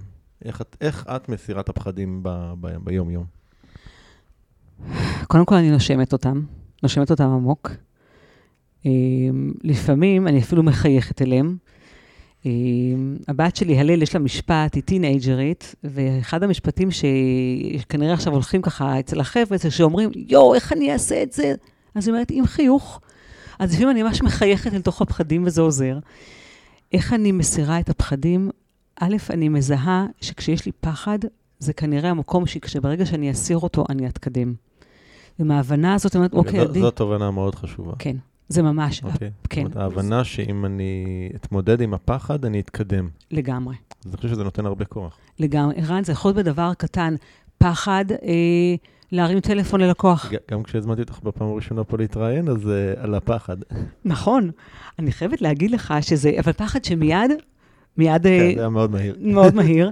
האמת היא שזה מעניין, כי כשאתה בעצם כתבת לי, אה, יאללה, מתי את באה להתראיין? אמרתי, כאילו, כאילו, מה? אני אומרת לעצמי, כאילו, מה? אמרתי לך, בשמחה, אבל נחכה רגע, אולי אני אגדל קצת, ואמרת לי, מה, את לא מבינה שאת כבר גדולה? ואז אמרתי לך, יאללה, בלאגן. זאת אומרת, יאללה, בלאגן, דרך אגב, זה, זה התמסרות מאוד גדולה לפחד. כי בלאגן הוא כאילו ההפך של סדר, שאני אדם מאוד מסודר וזה ידוע, אבל מבחינתי, היאללה, בלאגן הוא ממש החבר הטוב שלה לדייק. אתה מבין מה אני אומרת? זה בעצם בלגן מדויק מההיבט לא של לפחד להתפרע, אלא של להבין שהבלגן הזה זה לדייק את הרצון, זה לדייק את המטרה, והבלגן הזה זה הפחדים שעולים, ובעצם להגיד, אוקיי, עדי, אז את מפחדת להתראיין אצל ערן. יופי, אז אולי תעשי את זה. עכשיו, זה לא שאני אומרת לך, תשמע, זאת התורה, ורק ככה אני עושה, אני כל יום מחדש. זה בהמון דברים יכול להיות. בהמון דברים. ואני חושבת שבאמת ההבנה שכל פעם שאני אסיר פחד כזה, אני עושה עוד צעד. אני יוצרת עוד את הדרך שאני מייצרת לעצמי כעדי, את הדיוק שלי בחיים שלי. אני רוצה רגע לשים אה, ככה, אה, לזקק את מה שאמרת במילים שלי רגע. אני, אני קורא לזה בסוף אה, משפט שאני מאוד אוהב אותו כבר שנים, זה אומר שפעולה מפיגה כל פחד. וזה בעצם ה- להסיר, להסיר את הפחדים. זאת אומרת, רוב האנשים שפוגשים את הפחד, אז הם לוקחים צעד אחורה, הם נמנעים, הם מוותרים וכן הלאה. ופה אני חושב משהו שמאוד מאוד מאוד מאפיין אותך, זה, זה כשאת רואה את הפחד, כמו שאמרת, את מחייכת אליו, ואת פשוט הולכת לעשות את מה שמפחיד. ו, ואז מה קורה? אני אגיד לך ככה, אני, פתאום ככה זה עולה לי, נכון, אני רואה את הפחד, ודרך אגב, אחת הסיבות שאני כנראה גם עושה את הדברים צעד צעד, זה שכל פעם נותנת לפחדים מסוימים להיות, נותנת להם, עוברת אותם, ואז אומרת לפחדים הבאים, אוקיי, עכשיו תורכם. זאת אומרת, לא באים אליהם, לא נותנת להם לבוא כנראה בבת אחת, אלא מנהלת אותם. והניהול שלהם זה לא מהמקום של להגיד להם, אה, אותך, אתה כן או אתה לא, מי שבא ברוך הבא, אבל אני בעצם וזה חלק מהחברות איתם. של להגיד, אוקיי, עכשיו אני פתוחה לקבל עוד פחדים. אוקיי, עכשיו אני פתוחה. בעצם, הלנהל זה להגיד הזמן- מתי אני פנויה. זה כל הזמן להתרחב לתוך זה. כל הזמן, ממש. פחד מבחינתי זה ממש התרחבות. דרך אגב, אני חייבת להגיד, לה, אני אישית, בנושא של פחד, הוא משהו שהוא... אנחנו משתמשים במילה פחד, אבל אסור שהיא תפחיד המילה הזאת, כי כן. גם, זה יכול להיות שגם דברים ש, שהם לא מפחידים הרי, זה לא פחד קיומי, לפחות לא אצלי. הוא אולי פחד מלהיכשל, אולי פחד מאיך יגיבו. זה, זה צריך לפעמים, לרגע אחד, אמ, להסביר מה זה הפחדים האלה, שאנשים גם יוכלו להתחבר. פחד הוא כל דבר שאני לא רוצה אולי לעשות, שאני אומרת, אולי הוא יפגע בי. אז הוא מאוד מגוון יכול להיות. יש איזשהו אה, הרגל או דפוס פעולה שלך שאת חושבת שיותר מהכל אה, מקדם או תרם לה, להתקדמות, להצלחה שלך? כן, אני חושבת שבמיוחד בתקופה האחרונה, אמ, אחד הדברים שאני מאוד אמ, מתנהלת מתוכו, זה תחושה של שפע. זה דבר מאוד חזק, שהוא גם כן הגיע מתוך איזשהו תרגיל מאוד משמעותי שעשינו בתחילת המפגשים שלנו.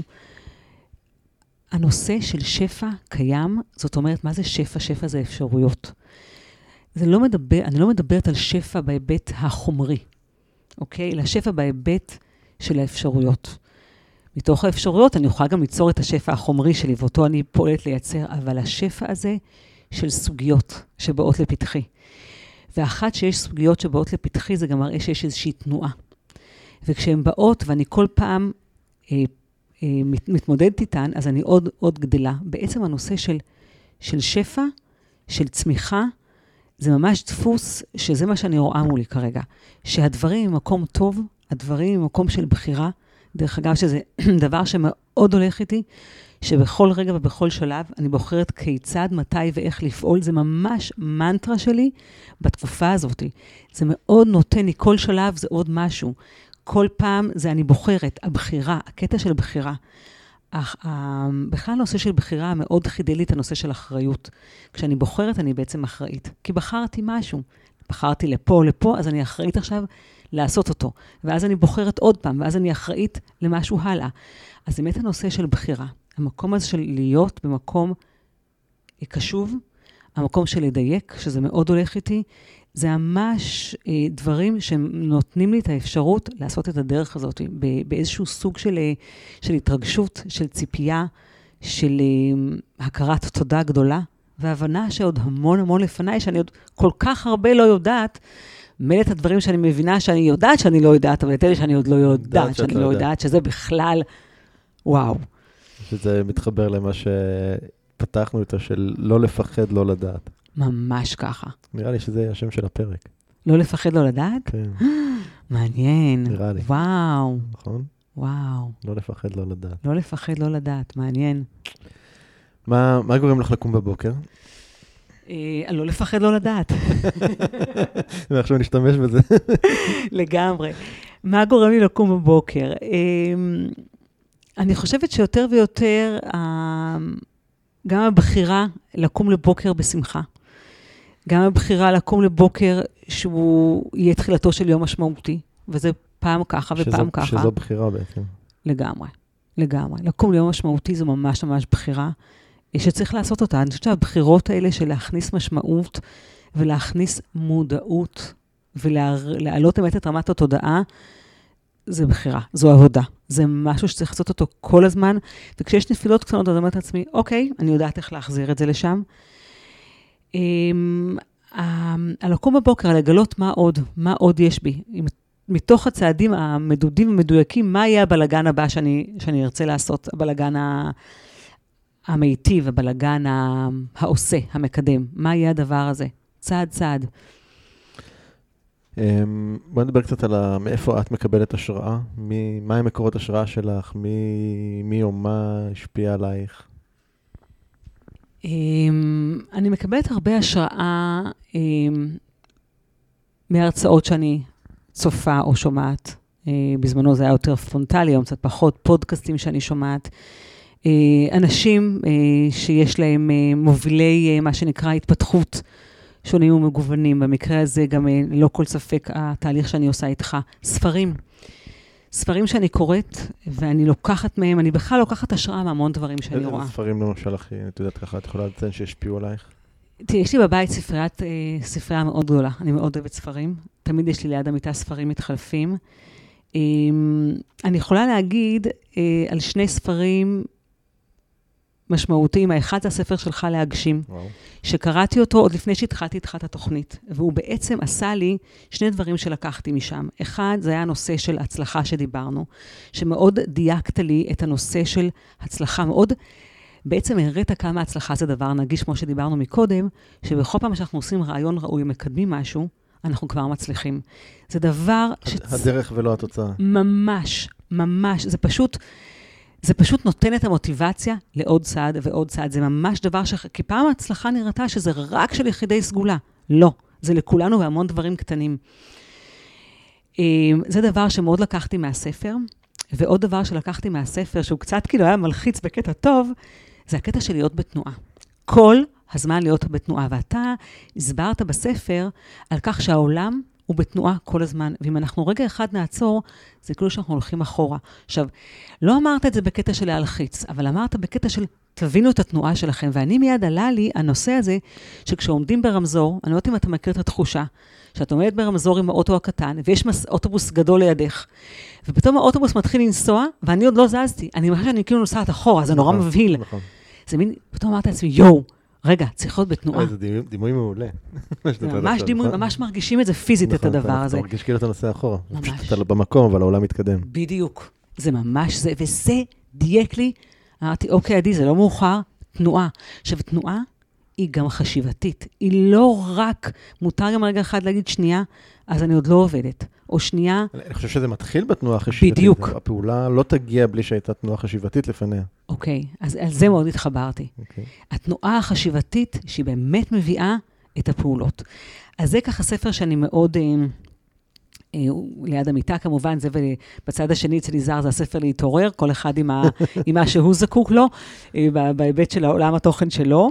אה, ספר שאני מאוד מאוד מאוד אוהבת, והוא ממש תנ"ך שלי, וגם ספר שנחשפתי אליו לפני התהליך איתך, וזה הספר חשוב והתעשר, שאני פשוט כל פעם מחדש מגלה כמה הוא גאוני. אמ, ספר שהוא אה, באמת כל כך מעודכן, והדבר הראשון שלקחתי איתו משמה, וזה מאוד מתחבר לנושא שדיברנו מקודם על הכתר, על ההכתרה, בפרק שהוא מדבר על הנושא של שאיפה, המשפט הראשון שהוא מדבר עליו, בוערת. הוא מדבר לא רק על זה, הוא מדבר על הנושא של מחשבות של מלך. Hmm. כשברנס מגיע כן, לאדיס- אדיסון. בדיוק. הדבר שהוא מגיע, אותו אדם עני, שרק חשב איך הוא רוצה להיות השותף, מה שהניע אותו היה הרצון הגדול, אבל הוא חשב מחשבות של מלך. לא שאני לא יכול, המחשבות של מלך זה דבר שהולך איתי כבר הרבה מאוד שנים. כי בעצם מחשבה של מלך, זה אתה לא אומר או עוסק יכול או יכול, זה איזושהי מחשבה מאוד מדויקת, מאוד ברורה, שגם יש בה הרבה מאוד אחריות. אז מחשבות של מלך, זה מהספר הזה. ומספרים, וכל מיני ספרים שאני לוקחת, ו, והולכים איתי לאורך השנים. דרך אגב, אם יש ספר שאני גם כן לוקחת ממנו השראה יכולה, לא ספציפית, זה גם ספרי טיסה, שהייתי מתה לטוס רק בשביל לקרוא ספר פשוט וקליל, רק בשביל הטיסה כמובן והדיוטי פרי. אבל בהיבט של ספרים, אני חייבת להגיד שיש ספר אחד שהוא ממש הולך איתי, מלווה אותי, והוא ממש, הוא הספר מבחינתי.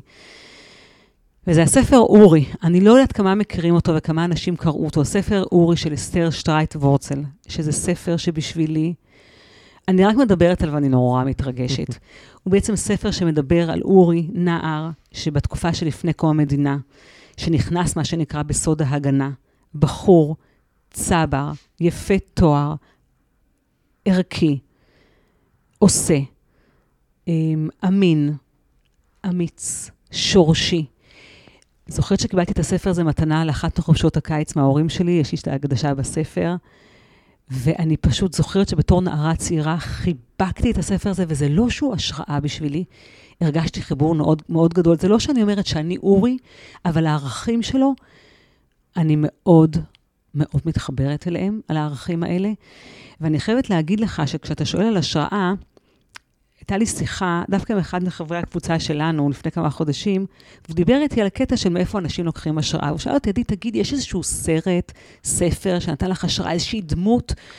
מיד התחלתי לחשוב, וונדר וומן, משהו, לא התחברתי, אמרתי, אתה יודע? אתה אומר לי, ואני אגיד לך, הספר שלי זה אורי.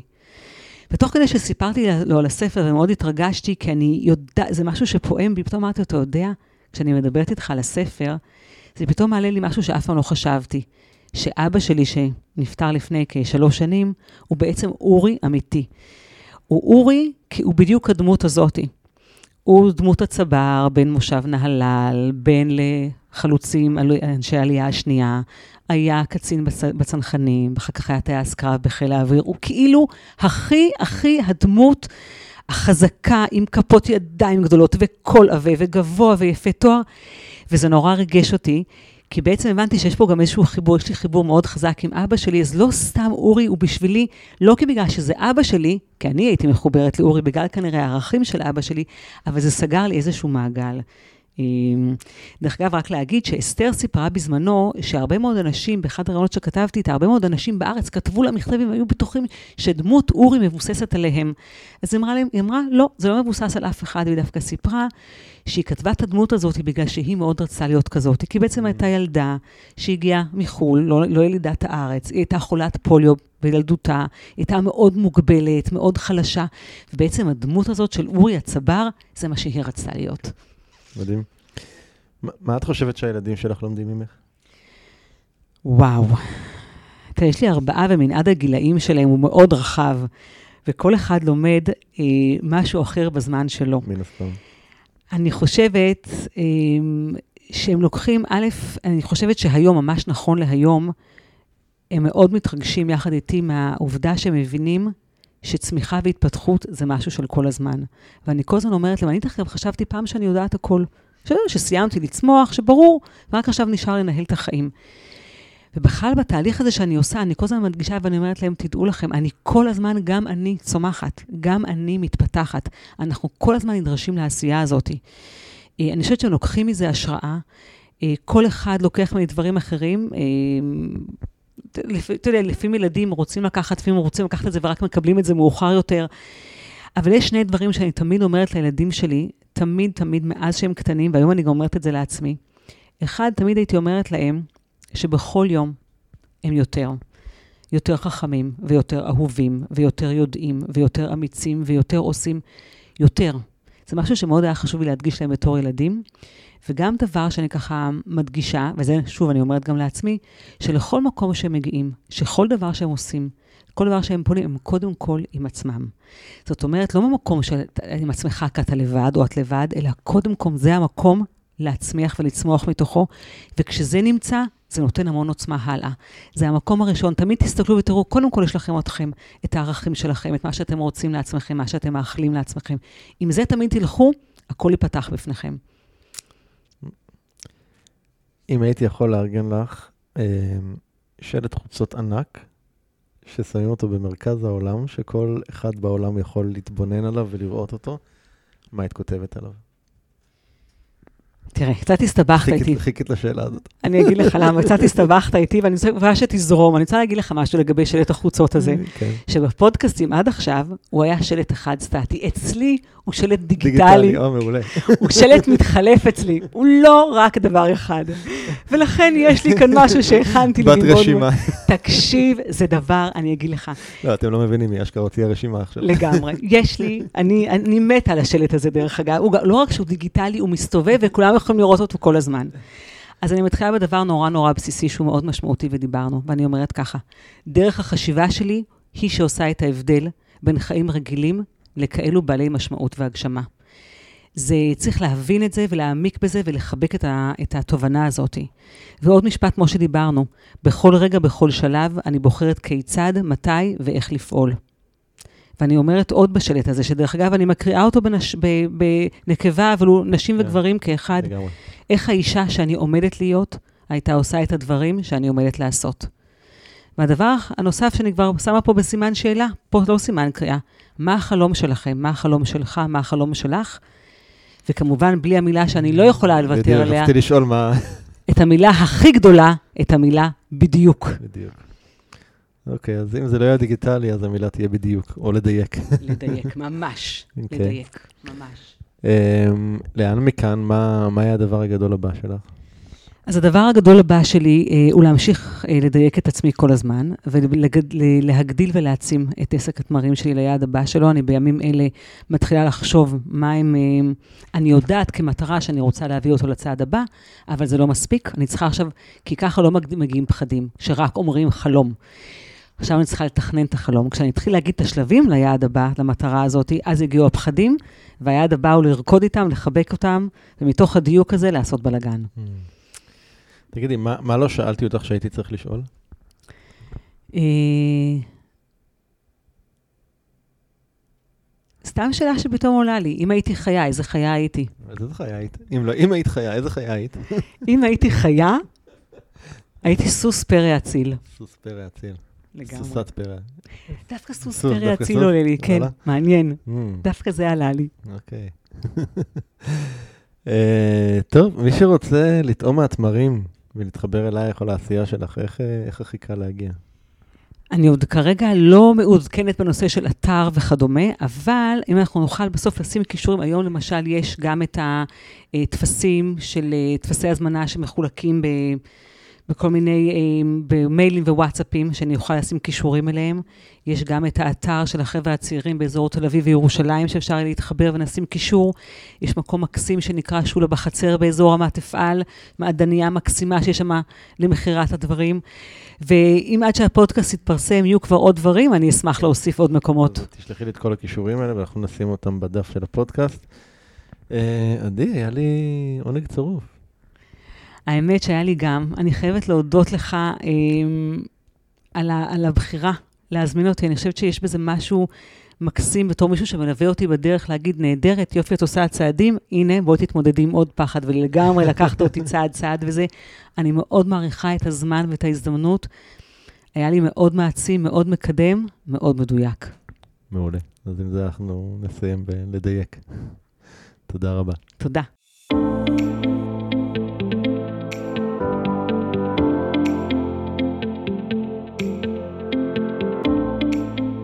זהו, עד כאן לפרק של היום.